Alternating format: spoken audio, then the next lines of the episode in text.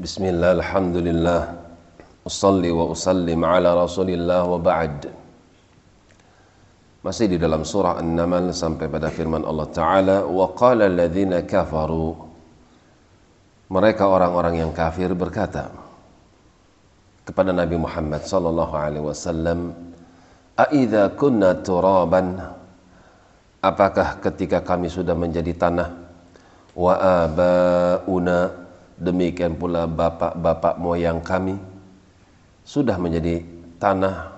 A inna la mukhrajun. Apakah kami akan dikeluarkan dari tanah tersebut? Kami akan hidup kembali. Laqad wu'idna hadza sungguh kami telah dijanjikan dengan hal semacam ini. Nahnu wa abauna ya kami demikian pula bapak moyang kami pernah mendapatkan informasi seperti ini. Bahwasanya kami akan dibangkitkan setelah kami mati. Min qabl. In hadza illa asatirul awwalin. Akan tapi buktinya mana? Tidak pernah kami menjumpai bapak kami dibangkitkan.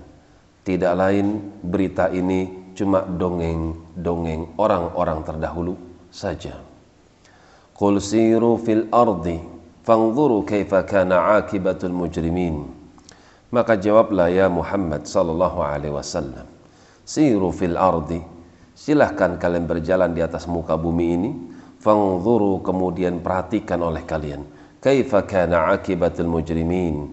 Lihat akibat bagi mereka orang-orang yang berdosa. Bukankah para pendosa ketika mereka mengingkari wahyu Allah, ketika mereka mengingkari sabda Rasul, bukankah akhir kehidupan mereka itu mengenaskan? Wala tahzan alaihim.